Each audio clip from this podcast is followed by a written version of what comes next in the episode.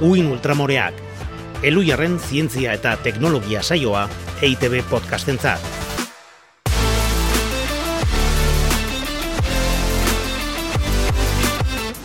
Kaixo ongi etorri Uin Ultramoretara. Kaixo, kaixo, ongi etorri! Ze pozik naon e, berriro podcast hau egiten gaudelakoana. Esan berdizut, zenbat ikasten den nik podcast hau egiten zurekin. Onike bai, zurekin, alai? Bai, bai, bai, bueno, ba, gaur fusioaz eta fisioaz eta hitz egiten dizudanean ikusiko duzu. Eta erradioaktibitateaz. Eta erradioaktibitateaz gaur kontu zibili behar dugu. Ze gaur uin ultramorez aztertuko dugun gaia erradioaktiboa da. Eta ezaztu, erradioaktibitatearekin lana egin zuten zientzialari asko eta asko minbiziak. Jota hil zirela, beren ikerketetan erradiazioaren pean egoteagatik, adibidez, Marikuri bera. Marikuri bera, baina bueno, guk erradioaktibitateaz e, hitz egingo dugu, ez dugu gertutik ikutuko. Lana ez da horrekin ingo, zientzialaria bakarrik ez, beste batzuk ere egin zuten lana erradioaktibitatearekin, Bai, erradioaren neskak aipatuko ditugu, e, langileak ziren, ez zientzialariak, baina erradiazioaz, fisioaz, fusioaz eta kontu hoiez guztiez, gero hitz egingo dugu orain, albisteak, ez da Jon? Albizpeak,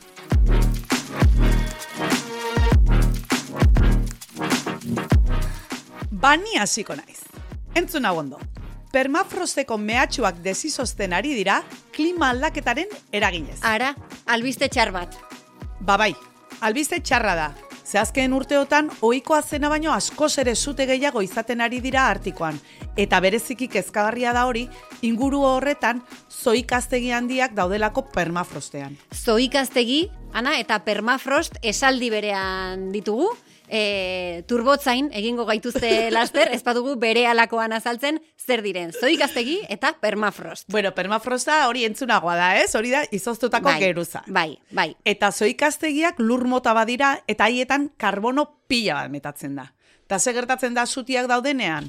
Ba, karbono hori atmosferara igortzen dela. Mhm. Basaien zaldizkarian argitaratu duten lan batek erakusten duenez, permafrosteko zuteen areagotzea zuzenean lotuta dago klima aldaketarekin. Artikoko temperaturek gora egin ala, esponentzialki ugartu dira zuteak. Eta zute horiek, esan bezala, gainak karbonoa. Askatzen dute, orduan da pixkat, Bai, bai. ez Zirkulo- zirkuloa, bai. Bai, itxura guztien arabera, okerrena da, etorkizunean ere, joera horri eutxiko zaiola. Ba, e, a- albiste txarrak? Txarra, txarra, eta okerragoa oraindik ere, eh? A Ze gainera, permafrost horretan, beste mehatxu bat ere badago. Kontua da hor, izoztuta zeuden virusak eta bakterioak ere, ba berpiztuen ari direla. Egitan? Bai. Adibidez, beitu Siberian, eh? 2006an, eh? aspaldi ez dala.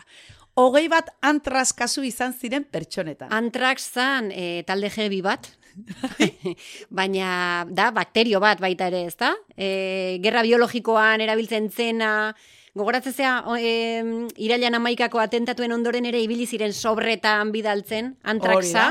Hori da, ba, bakterio hori askatzen ari da Siberiako kasu haietan gertatu zen bezala, eta orain ba, ikusi dute antrazaz aparte, baztanga izurri bubonikoare bai, pentsa, mila bederatzen da emezortziko gripearen virusaren RNA zatiak ere topatu dituzte Siberiako permafrostean. A ber, a ber, e, alarmista hasi gea, ezta? Ja. Ez tezu uste hau entzuten ari denak oraintxe e, emango diola urrengo zeari? Eta ez dakit, literatura podcast bat Ez, jarri. Ziur nago badaukazula albiste politen bat, hau pixka tola goxatzeko. Bai, albiste kuki bat e, ekarri. Usten dut. alaitz, Eh, literatura ez ezinez podcastak baiatzen. mesedez gerorako utzi, oso interesgarriak dira, guk ere entzuten ditugu, baina orain kontatuko dizuegu zer diren glaziarretako xaguak. Ara, oie, txuriak izango dira? Ez ez, glaziarretakoak dira, baina ez dira txuriak, eta izatez ez dira ez da xaguak ere. Baina horrela deitzen zaie, xagu biribil potxolo kuki, Kuki, kuki. bai, itxura dutelako, eta gainera, glaziarretan mugitzen direlako.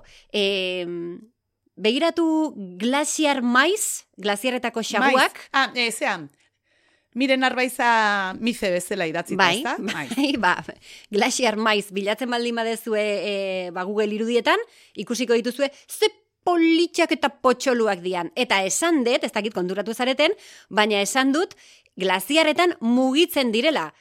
Berez, goroldiozko pelota batzuk dira, goroldio espezie desberdinez osatuak. Eta haien barrenean, bestelako izakiak bizi dira, ba, zizareak, xomorroak, eta baita tardigradoak ere. Hombre, tardigradoak, espaziora bidali zituzten Bai. xomorrotxo txikitzi mikroskopiko, oie. Bai, bai, bai, bai. E, guk- Leku daletan daude. Maite ditugu, baino nahiko itxusiak dira, eh? Ez dira beste eh, xagu, goroldiozko xagu hauek bezain politak. Bueno, hori eztabaidatu dezakegun, neri oso politak iruditzen zaizkit ardigradoak.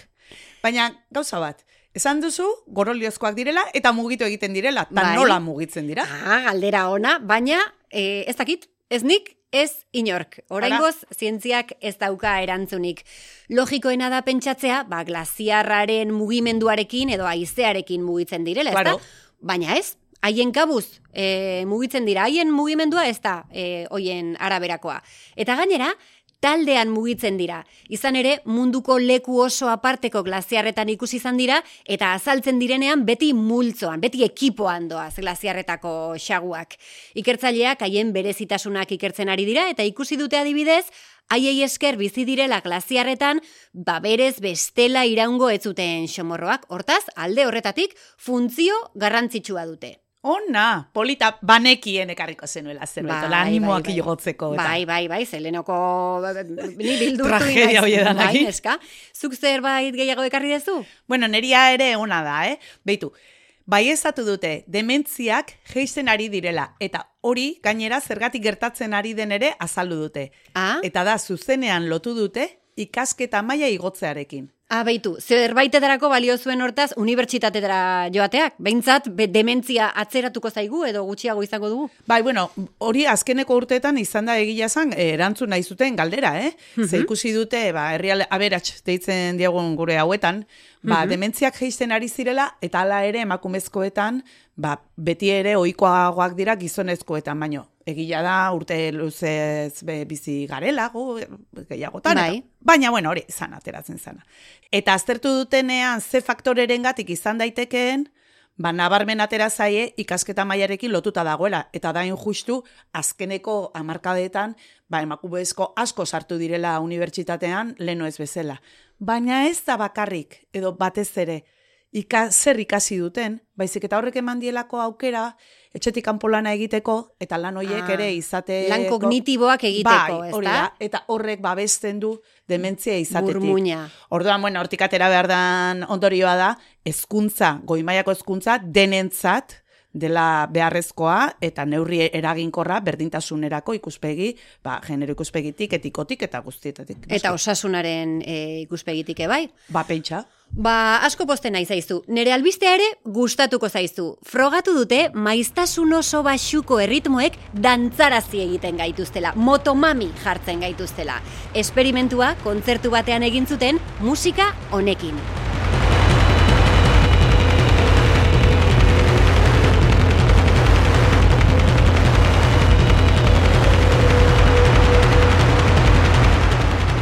Esperimentuan tarteka gizabelarriak detektatzen ez dituen maiztasun baxuko erritmoak sartzen zituzten eta baieztatu dute hori egiten zutenean jendeak gehiago egiten zuela dantza. Erritmo horiek orekaren sistemarekin edo ukimenarekin pertzibituko zituztela uste dute ikertzaileek, nola nahi ere eragina badutela frogatu dute. Belarriekin ez zuten entzuten, baina sentitu bai hori da Bai, kontua. bueno. Eta esperimentu egin zuten hori kontzertu batean. Ona, ona. Zu kontzertu batean zaudenean... E, Bai, vibrazio asko iristen dira. Eta pertsonetan bakarrik eze, arratoiek ere nabaritzen dute musika. Beste ikerketa batean, aurrekoarekin zerikusirik ez duena, ikusi dute arratoiek burua mugitzen dutela musikaren erritmoan. Ba, grinkoreko kontzertuetan egiten dugun bezala? Ba, arratoiek hori egiten dute, baina beare, beraien esperimentuan, ez zieten grinkorik jarri, Mozarten sonata hau entzunarazi zieten.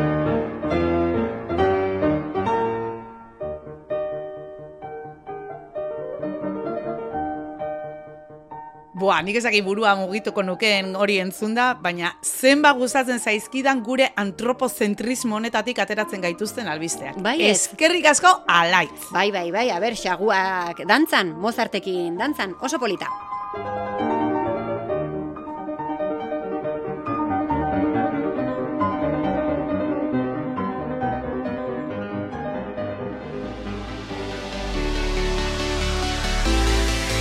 Soinu misteriotsua.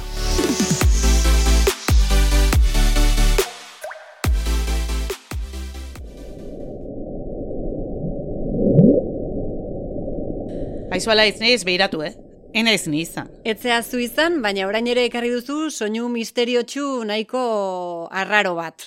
E, berriro jarriko dugu, bai, nik behintzat berriro entzun nahi dut, ea asmatzen dugun zer den. Saioaren amaieran argituko, du- argituko dugu, ezta? Ados.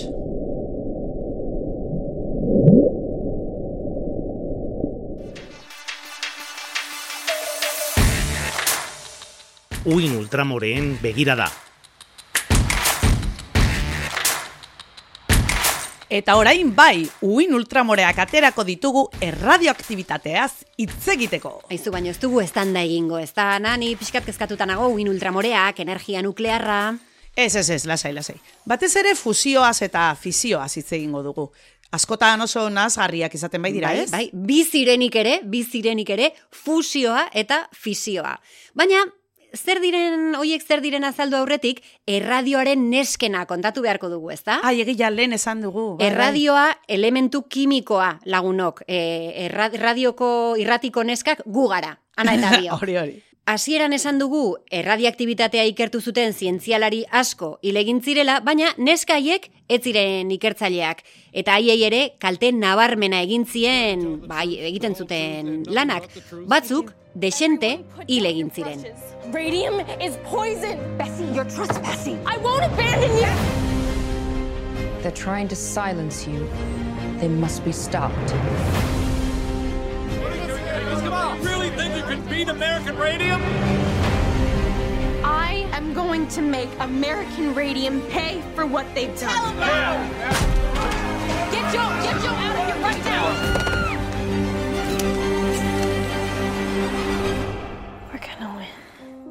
Hau 2000 eta filmura da, ez da?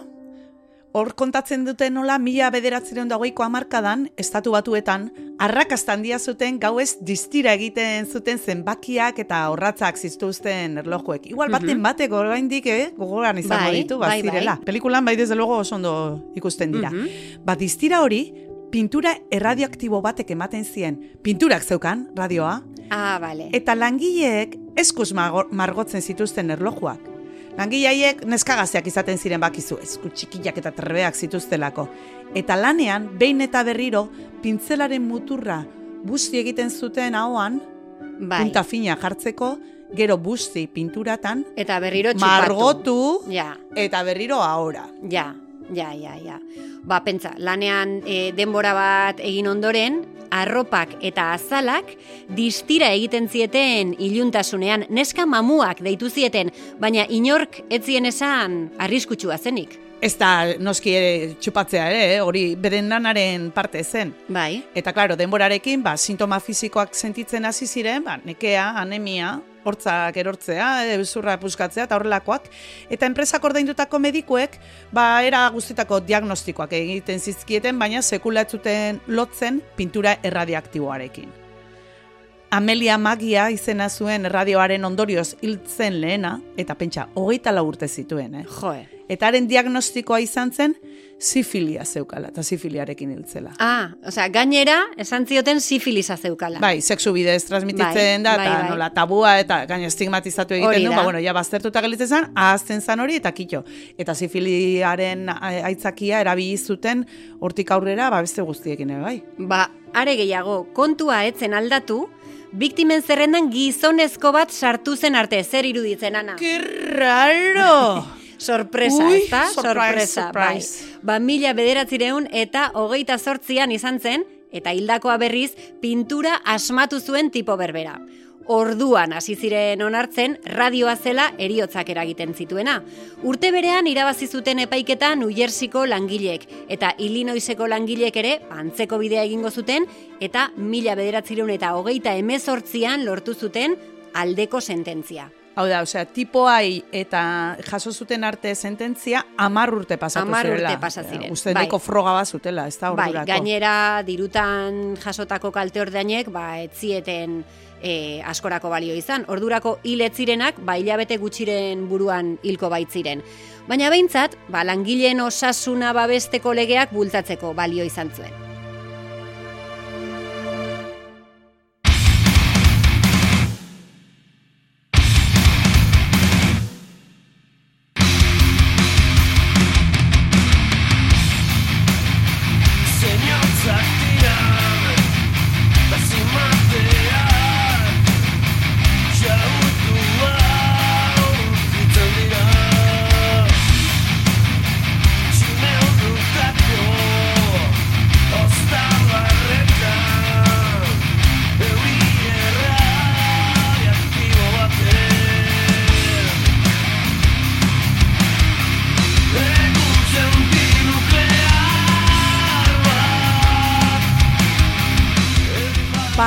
Ba, energia nuklearra hitz egiteko asmoa dugunez, gogora ekarri nahi izan ditugu erradiaktibitatearen biktima horiek.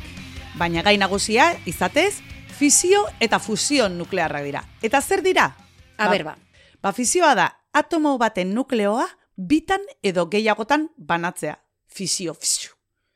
Erreakzio horretan, Be, hitzak esaten duen bezala, ez da? Claro. Fisio. Eta hori gertatzen denean, ba, elementu erradiaktiboak sortzen dira taldi berean energia pila bat askatzen da. Ba, energia hori modu kontrolatuan sortzean datza hain justu energia nuklearra. Zentral, nuklearretan lortzen den energia mota. Hortaz, haber ondo e, ulertzen dudan eta ondo azaltzen dudan. Atomo bat hartzen dut e, eta puskatu egiten dut. Eta orduan, atomo hori puskatzean energia pila bat e, lortzen dut, baina energia horrekin batera elementu berriak sortzen dira eta elementu horiek radioaktiboak dira, ezta? Hori da, hori da, oso ondo, ba, igual zuri emanberko zizuten novela, eh? Ze hau Liz Meitner fizikariak proposatu zuen, lehenengo aldiz, berak eman zion azalpena fisio nuklearrari, nola gertatzen zen eta hori dana, eta ikerketa horiengatik Nobel saria eman zioten, nori eta bere laborategiko nagusiari. Nagusiari! Aizte, ondo, hortaz, novela neri ez, baina Liz Meitnerri ez da ere, ez da ere. Oto jani eman zioten. Hori ez da sekula gertatu. Emakumezko batek zerbait lortzea eta domina ba, haren gainetik dagoen gizonari ematea. Hori, inoiz, hori, hori Rosalind Franklini ez zitzaion gertatu, eta Jocelyn Belli ere ez zitzaion horrelakorik gertatu. Inori, behintzat Meitnerri aitortza egin zioten, haren izena eman da elementu kimiko bati, Meitnerioa. Bueno, e, ez da nobel bat, baina behintzat, aizu, oin, e, Bai, zure izena aitortza daramakin, bat bada. Bai, bada, bada. Aipatzekoa da baita ere, Meitnerrek bomba nuklearra ikertzeko Manhattan proiektuan parte hartzeari uko egin ziola. Biba leize! Hori, bai senyora. Hori bai, senyora, bai horixe. Hau paliz.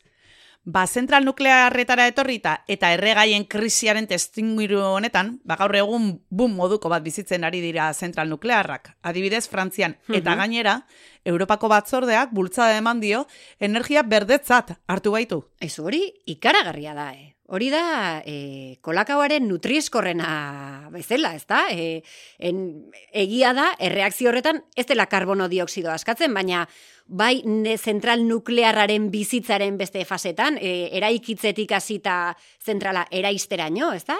Eta batez ere, trampa da berdeak direla esatea, eunka eta milaka urtetan erradioaktiboak izango diren ondakinak sortzen dituztelako. Bo, bai, baina eunka milaka. Ni Bai. badaukat historio bat horrekin lotuta. Ah, bai, a ber ba. Ez kontatzea. Hombre, Ba, behitu, en, zalantza daukate, eta hau gai oso serioa da, nola ohartarazi gure urrengo belaunaliek, ba, demagun, amar mila urte barru biziko diren artean ere gizakiak balima daude mundu honetan, noski. Baina haiei, Jesus, ana, gaur etorri zea, a ber. ja, arrazoia. Baina, bueno, haie, ba, ba, ba, ba begira, bai. Egongo dira. Hipotesia da badaudela. gure ondakin nuklearrak kudea betu behar dituzte, eta kontua da, abixatu inbertzaiela, ez da? Hori da. Eta, klaro, ba, guain dela 6.000 urteko hieroglifikoak e, zer esaten duten jakiteko gai ez bagara nola transmititu abixu hori Ah, ba, egia. amar mila urte barrukoei. Ba, batzu. Eta haze marroia. Ba, kristo marroia da. E, bai, ez dakit eh, oso ondo zer egin, baina, bueno, batzuk proposatu dute, erligio bat sortzea katu batzuen inguruan. Katu horiek mutanteak dira. Eta sakratuak izango dira, gaina hori nola katuak kultura askotan eta askotan izan diren sakratuak, ba ikusten dute horrek funtzionatu dezakela. Eta mutanteak dira, eta erradiaktibitatea dagoen lekuetan, fluoreszente bizi bihurtzen dira. Ta, probak eta dana egin dituzte katuekin, eh? Abai, eh? Bai, bai, bai.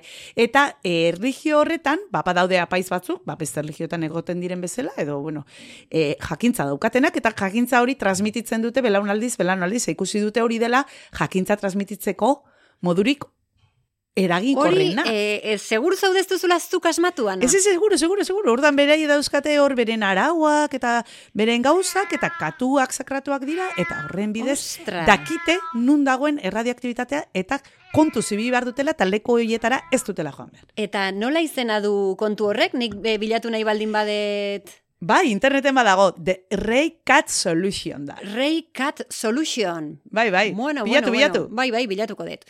Tira, fisioaz gain, fusio nuklearraz ere hitz egingo dugula esan dugu, eta hori bai, berdea dela, esan daiteke ze, energia pila bat askatzen du, baina ez du ondakin erradioaktiborik sortzen. Hori da. Fusioan, bi nukleo edo gehiago elkartu egiten dira. Pitu, honek ere bere bere izenak esaten duen bezala, ezta? Ba, musika estiloa fusionatzen diren bezala, Bai. hemen bi elementu fusionatu Bai, egiten bai, dira. fus. Fus. Ona.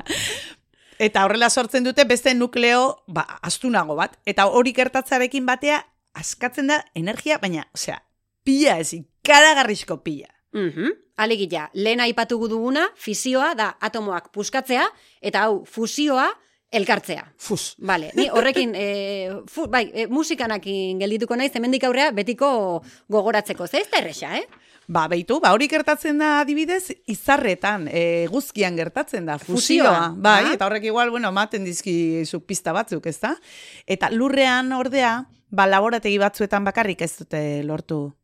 Ja, ja, bueno, hala ere lanean ari dira zientzialariak, eh? Fisio nuklearra bezala, ba, fusioa modu kontrolatuan eta eskala industrialean egiteko. Fisioa elementu handietatik abiatzen da. Ba, adibidez, zana? Uranioa. Adibidez, bat bihiru, erantzun berriro, uranioa. Hoiek elementu handiak dira eta fusioa berriz, e, elementu oso txikietatik. Ze elkartu inberdia, gogoratu dezagun. Zehazki, hidrogenoaren bi isotopo erabili nahi dituzte, lehen gai gisa, e, deuterioa eta tritioa izenekoak. Deuterioa itxasotik har daiteke, beraz, merkea da eta ia gorrezina, eta tritioa berriz e, erreaktorean bertan sortuko lukete litiotik abiatuta. Eta hori ere, ba, askoz ere merkeagoa eta ugariagoa da, ba, erregai fosilak baino. Hortaz, lehen gai aldetik, arazorik ez. Erronka, zein da? Zein da?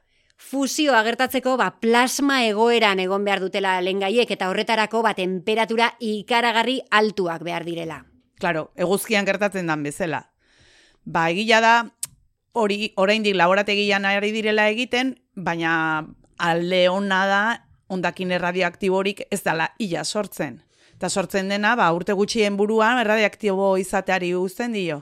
Hortaz, ez genuke sortu beharko, e, katu radioaktiboetan oinarritutako erligio bat e, abisatzeko. ez, behar duguna da temperatura ikaragarri altua. Bueno, ez da erraza. Lurrean eguzki txiki bat, eguzkitxo bat egitearen Solete. parek, bai, un solete. ITER nazioarteko proiektuan, amets hori errealitate bihurtzeko lanean ari dira. Eta, albisteren bat izan bezain pronto, hemen uin ultramoreak podcastean emango dugu haren berri beraz, adiegon! Hori, hori! Belar artean, bakardadean biluzik dantza. Oinak guztirik, lurraren erdian, belarrarekin jolasean. Pentsamenduak, joan egin zaizkit egunarekin batera. Iuntasunak hartu egin nau negar malkoa Gau ilun honen azken arnazketaren azkenengo Segunduetan nik ere Oiukatu egingo dut Munduak azten banau, lur honek askatzen banau. Zerbait utzi beharko dut, bintzat euritanten artean Ilargiak erakusten duen, aurpegiaren aurrean eskatzen diet. Oiukatu zizar galduei, nire negar malkoek ernalde zatela lurra. Nire energia banaiz Gaur ilunen azken arnazketaren azkenengo Segunduetan nik ere Oiukatu egingo dut. Munduak azten banau Lur honek askatzen banau.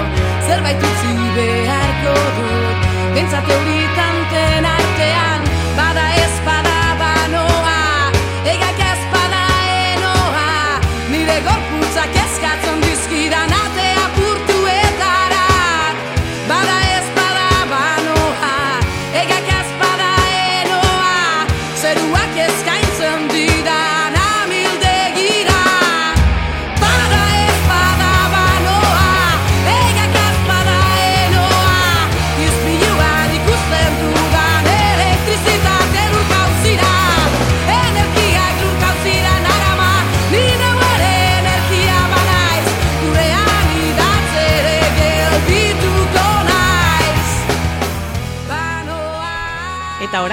aioraren ahotsarekin elektrifikatuta, gure atal kutxunenari ekingo diogu. Gure atal kutxuinena da, gero aukera ematen digulako tabernako senyoroei esateko hori gezurra da, nik entzun dut nire podcastean. Efectivamente, Bai, alaiz. horrek ze Ondo plazer ezagutzen eman hauzu.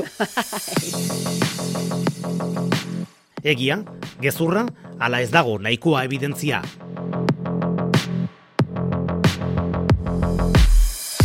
Lehenengoa. Marikurik Einsteinik gomendio gutun bat idatzi zion. Alaitz, egia gezurra ez dago evidentziarik. E, bueno, egia baldin bada evidentzia egongo da, baina nik behintzat e, ez te inoiz zaitu. Gomendio gutun bat zer lanerako pentsatzen dut. e, Hori da, bai, bai, ba, ba tipoak fizika zerbait badakia esaten duen aha, gutun bat. Kurrikulumerako. Mhm. Ba, egia da. Egia alda. Bai, Marikurik bigarren Nobel sarie irabazi eta gutxira, biak ere fizikari buruzko biltza rospetsu batera gonbidatu zituzten, eta han elkar ezagutu zuten. Einstein artean gaztea zen, baina Marik ikusi zuen, ba, baietz, eh, esan dudana. Zerbait zerbait kontrolatzen zula bai, fizikaz. hone- honek zeo zebaki. Bai, Honek horixe. zebazakin. Eta gomendio gutun bat idatzi zion, ba, bere ibilbidean laguntzeko, errazteko bidea, ba. Ba, ze jatorra. Bai, zeberari ez datuzte inork idatzi zion, eh, gutunik eta eh, bidea erraztu zionik. Ba, egia, egia. E, tira, marikurirekin jarraituko dut nik, eta e, esango dizut, marikurik laborategian erabili zituen kuadernoak erradioaktiboak dira oraindik. Seguru, eta bata eta danak izango dira radioaktiboak. Erabili zituen gauza guzti guztiak radioaktiboak dira oraindik eta datozen amabos mila urteetan ere erradioaktiboak izango dira. Horregatik... Katuak. Ba, horregatik katuak. Bueno, horregatik daude kuadernoiek e, berunezko edukiontzi batean gordeta eta kontsultatu nahi dituzten ikertzaileek ba, babes jantziak jantzi behar dituzte, ezta? Marikuriren kuadernoak ikertzeko eta han esaten dena irakurtzeko. Gero niri esaten didazu, eh? hemen albize tremenduak ekartzen ditu dela, eta hortza biltza erradioaktibitatearekin gora, eta bera fruta ekarriko den. Fruta, ah, Bai, oso ondo. oso hamaiketakorako, ondo, bai, ez? Oso, zortzi pieza jaten dituzu zuk egunean, Ana? Ai, hainbeste zakit. Zortzi Bost ez- pieza. Bost eh, behar dira? Bai, Bueno, ba, nik, Bost zor- anoa. nik zortzi jaten. Zortzi. Zortzi, zortzi anoa. bai. Ze zortzi pieza, ba, izan daitezke, eh? txikia baldin badira. Ba. Ea ba, zein da zure afirmazioa? Fruta berdea errazago heltzen da sagar helduen ondoan jarrizkero. E, fruta berdea errazago heltzen da sagar helduen ondoan jarrizkero? Nik horrelakoak entzuten ditudanean, automatikokin ere burmuinak pentsatzen du. Hori gezurra da, hori siniskeria da. Hortaz, e, gezurra esan behar dut. Ba, ez egia da. Kontua da sagarrak heltzeko prozesu horretan etileno askatzen du, eta etileno horrek beste fruten heltze prozesua askartu egiten du. Ah, etilenoa... Ah, bale da, e, fermentatzen direnean frutak alkohol gustu hori hartzen dute, Usainare ezta? hartzen bai, du. ba. Usainare, bai. Ba, ondoko frutek ere hartzen dute, eta horrek seinale ematen die e, heltzeko. Ai ba, ze kuriosoa. Ba, ba begira, e, pentsatuko nuke gezurra zela seguru, eh? Begira, esan dizut ba gauza asko ikasten ditu dala. E, nik ere frutekin jarraituko dut, gustatu zaiteta. E, hau askotan entzungo zenuen. Laran jazukua bere ala edan behar da, bestela C vitamina galtzen baitu. Ba hori egia izango da, ez dakit C vitaminak erreakzionatuko du oksigenoarekin adibidez, eta galdu egingo da, ez da? Ez ba, gezurrara. Nik ere ikasen dut, orduan zurekin. C vitaminak zuku batean amabi ordu iraunditzake. Baldintza normaletan, eh? Hor ja, mikrondazian sartze baldin baezu, ba, e, juningo zaio vitamina, eta gaina txarra egongo da. Orduan ematen din neri denbora hori zukutu eta komunera jun eta etorri eta, bueno, vitaminak Bai, neska, gainera, laranja zuku bat egiteko tartea hartzen baldin badezu denbora, alegin hori guztia, lasai erantzazu emakumia, ezta? Patxadan eta ibili- komunetik pasata gero. Hori da, ez ibilik horrika.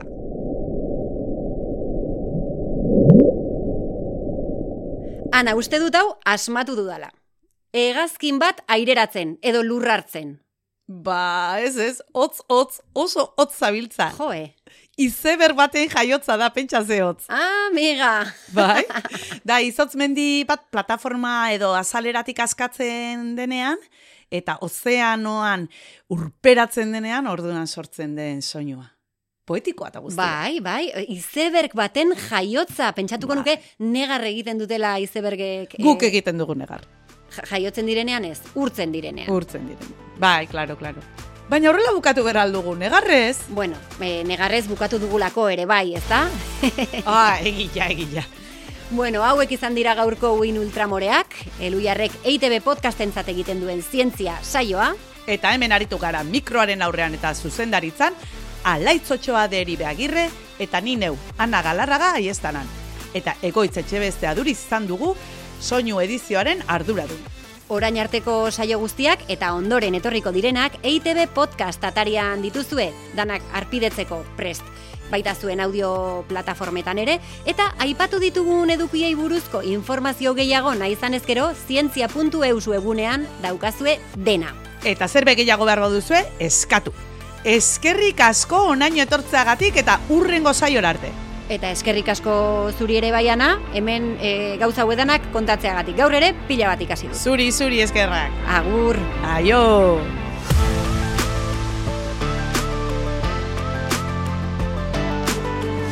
Uin ultramoreak